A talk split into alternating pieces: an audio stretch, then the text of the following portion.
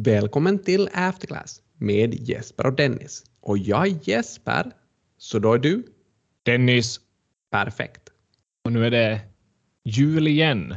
Eller i varje fall har eh, julkvartalet börjat som den här Fredrik Reinfeldts son Gustav Reinfeldt brukar prata om. För mig så är nog Gustav Reinfeldt någon som är ganska obekant. Fredrik Reinfeldt, Sveriges tidigare statsminister, är ett bekant namn, men inte vem Gustav Reinfeldt är.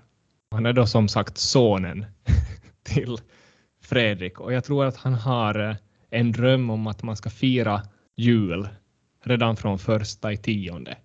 Men inte vet jag om vi behöver anamma det för det. Men det ska alltså vara då vad vi kallar Q4.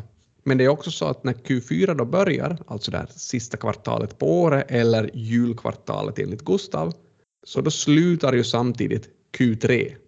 Och det är alltid lite intressant här när kvartalen slutar eftersom att för det första så får vi då snart se de här kvartalsrapporterna. Men det är väl någonting vi sparar till nästa vecka när det har kommit några kvartalsrapporter. Men det som vi redan nu kan göra är att vi kan titta på hur insiders, alltså sådana som till exempel sitter i ledningen på bolagen, har handlat i slutet på kvartalet. För det kan ju ge ganska starka signaler om det har varit ett bra eller dåligt kvartal. Så är det så att en bra signal skulle vara att en sån här insynsperson köper. Ja, men så är det ju absolut.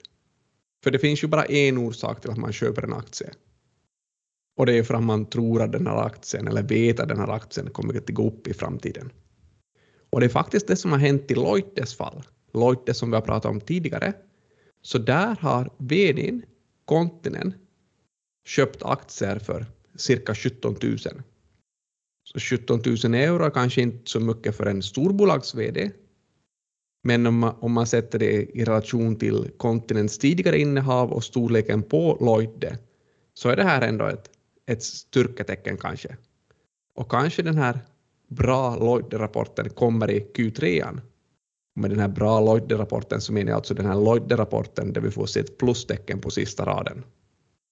Det är nästan som att du låter optimistisk.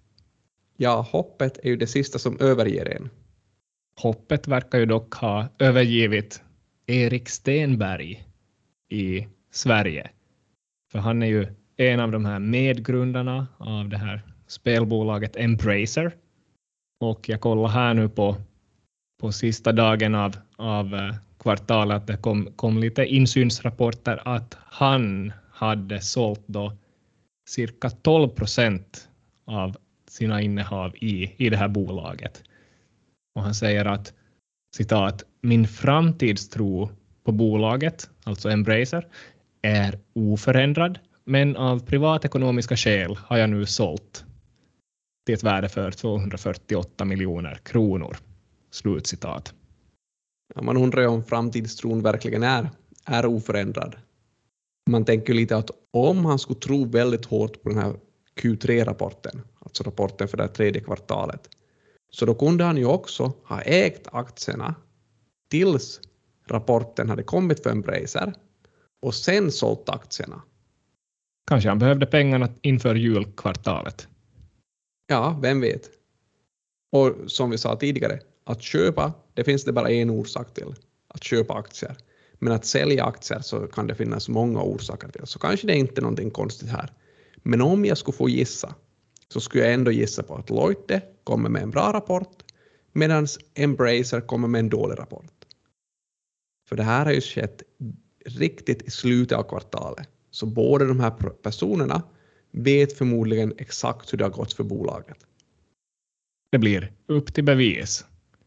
I det här så kallade julkvartalet, om vi fortsätter med den, den benämningen här, så brukar vi också gissa på någonting annat. Och det är ju det här eh, Nobelpriset i ekonomi som kommer här och tillkännages vem som vann det på, på måndagen. Så skulle det vara någonting att diskutera även i år. Nej, men Nobelpriset är alltid trevligt att prata om och det är ju viktigt här att du kallar Nobelpriset ekonomi. Eftersom jag har förstått att vissa personer tycker att Nobelpriset i ekonomi ska gå till alla personer som inte säger att det är faktiskt inte ett Nobelpris, utan det är Sveriges riksbankspris i ekonomi till minne av Alfred Nobel. Så det skulle betyda att vi inte kommer att få det, för så har vi väl sagt tidigare år.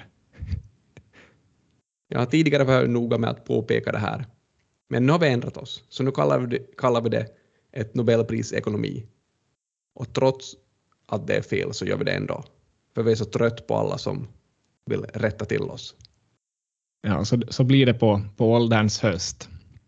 Men det här ekonomipriset, det, det är ju på sätt och vis lite ett B-pris, för det är ju som så då att denna vecka tillkännages ju alla de här tunga priserna som, som den här svensken Plebo, är det som man säger? Låter mer som en skidåkare om jag skulle få säga någonting. Ja, en, en norsk skidåkare. Men uh, nu är det väl en svensk bosatt i Tyskland som har sysslat med medicin och DNA-forskning. Har bland annat kommit fram till några insikter om uh, neandertalare. Så han fick det här medicinpriset. Kommentarer? Jag vet inte om jag har så mycket kommentarer till det där. Neandertalaren, det, det har jag också snappat upp från det här och visst är det så att han har, har som lärt oss hur vi kan få fram då, är det DNA från neandertalare? neandertalare? Jag hade nästan förväntat mig att du skulle komma med ett DNA telefonbolagsskämt här, men tydligen har du blivit för gammal för det också. Vi går vidare, men, eller? Vi går vidare till vi går vidare till någon annan, någon, annan som blivit för gammal. Ja, det skulle vara då 80-årige John F. Clauser som fick fysikpriset då för, för sina framsteg inom kvantfysik. Noterar här att uh, förutom att han är gammal, 80 år, så är han extremt lite citerad för att dels få Nobelpriset och dels vara så gammal. Så hur många citat är då det här extremt lite i din värld? När jag slår upp Google-skollar och nås av siffran lite på 18 000. Det kan ju förvisso vara så att ett eh, Nobelpris ger en kick till de här citaten, men, men 18 000 är ju ändå ganska låg siffra om man jämför med en av de mer framstående redovisningsforskarna uh, som jag känner till, Paddy DeShau. Såg henne senast i augusti på ett café i San Diego. Så hon... Uh, på det här sättet du säger det låter det som att ni var tillsammans på det här kaféet. Ja, ja. Jag gick förbi det där kaféet. Eh, hon satt där med sin man Richard Sloan. Han har väl någonting på 53 000 citat till dags datum och vi, vi sa hej, hej till varann. I tankarna. Hon såg på mig och jag såg på henne och Richard såg på mig efter det. Det som jag började tänka på här, vi pratar om citat. Jag är ju inte helt säker på att alla våra lyssnare vet vad ett citat är.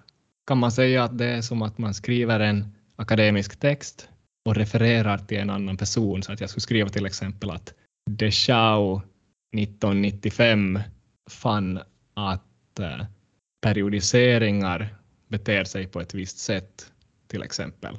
Och så lägger jag henne i referenslistan också och så publicerar jag mitt verk och då får hon ett citat. Så det blir som ett mått på hur frekvent andra forskare använder den här informationen som du har skapat via din forskning? Ja. Hur är det annars, vi pratar om kända redovisningsforskare, hur är det med den här kanske kändaste forskaren på Hanken, eller från Hanken, den här Christian Grönros, hur många citat har han? Så han är ju marknadsföringsforskare och jag skulle säga att det är lite mera vanligt, eller man är lite mera vänskaplig där, så man citerar i, i regel lite mer varandra. där. Redovisning är ju lite mer så här, man ska inte citera för mycket där, vara lite kortfattad och så vidare. Men Christian, över 100 000 citat, så han slår ju John på fingrarna ganska ordentligt där faktiskt. Och Christian har vad jag vet inte fått något Nobelpris. Det finns ju inget Nobelpris i marknadsföring om, om det skulle bli ett Nobelpris till en marknadsförare så skulle det nog då bli ett Nobelpris, ett sånt här ekonomipris som vi pratade om tidigare. Ja, troligtvis.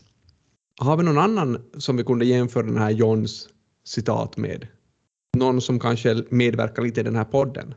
No, då, jag tycker det är lite orättvist eftersom om man skulle ta, vi båda, vi är ganska unga, unga då jämfört med John. Jag har väl nämnt hans ålder nu tre gånger åtminstone, 80, 80 där, så, så det är lite orättvist. Men man kan ju kolla på någon sån här, det finns någon sån här, vad kallas det, I, I, I eller H10-index man kan se på.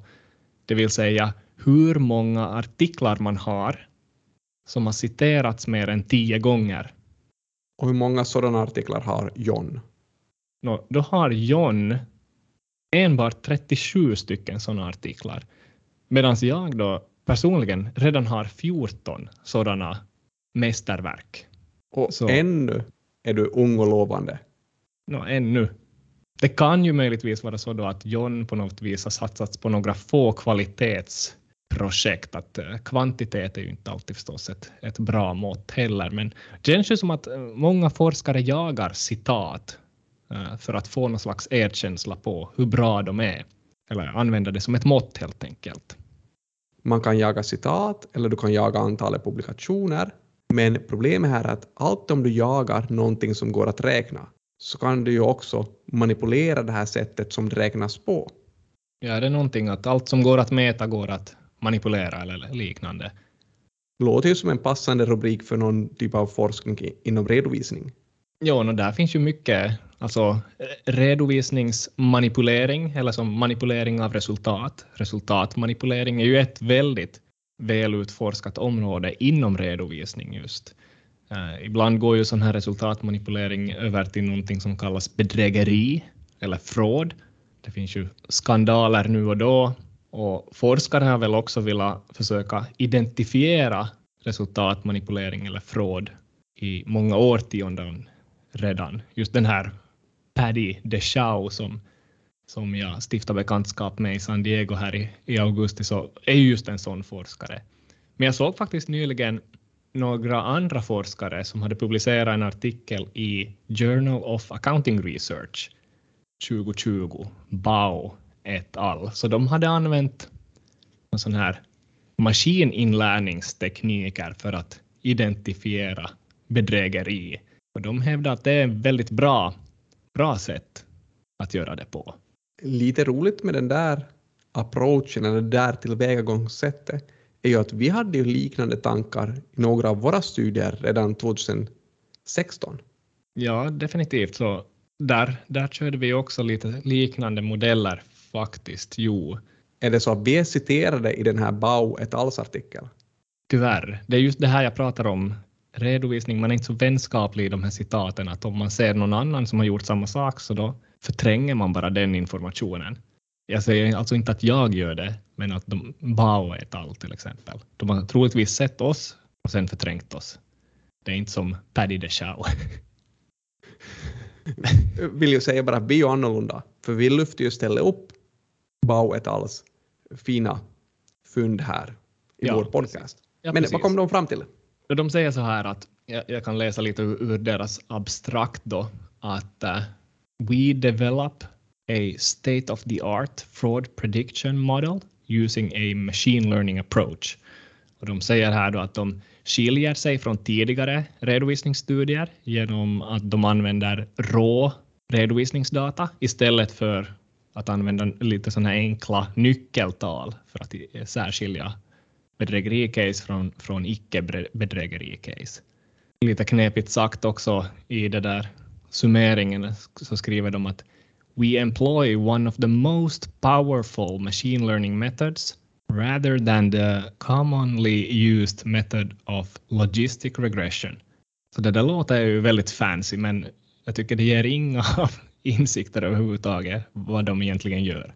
Det är väl det här nyckelordet bara här, en av de mest kraftfulla, eller most powerful.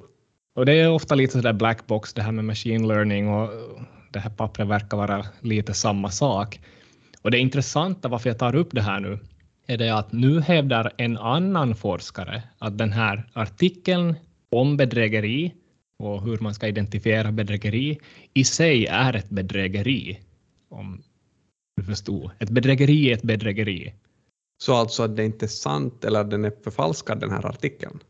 Den här andra författaren hävdar då, i, eller forskaren säger i princip att det skulle vara någon fabricerad data. Det går inte att replikera det här resultatet.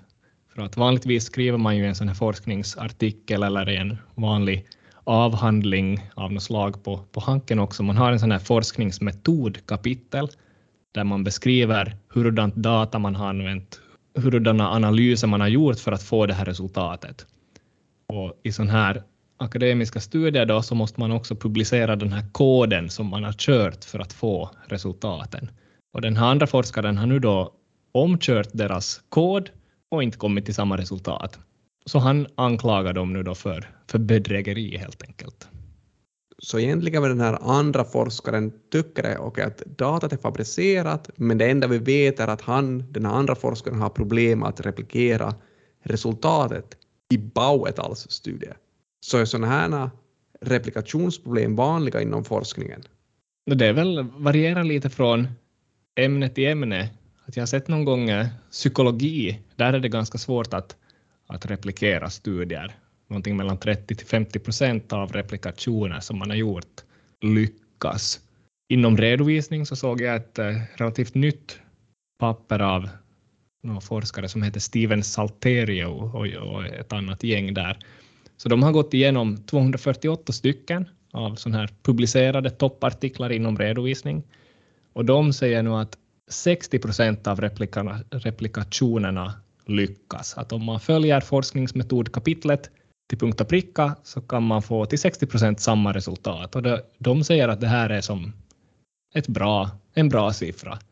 Inte, är det här en bra siffra enligt oss? Det betyder ju då sådär 60 procent går till fullo att lita på av den här toppforskningen i så fall.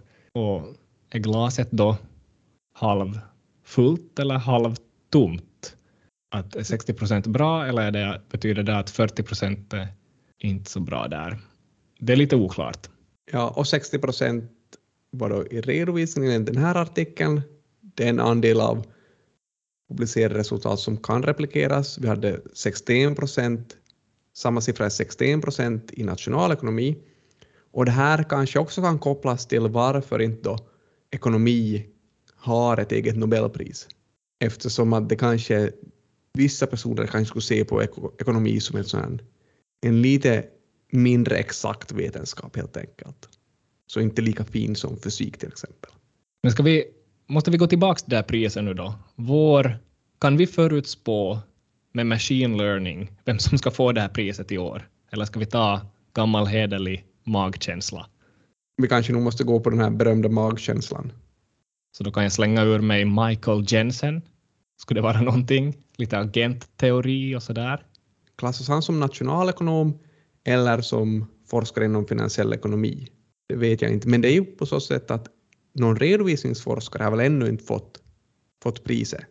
Och den redovisningsforskare som kanske skulle få priset, om någon skulle få det här priset, skulle vara Ray Ball. Så kanske vi ska gissa på honom också. Ja, det kunde vara ett alternativ. Ett annat namn som jag stötte på här var Tom Sowell.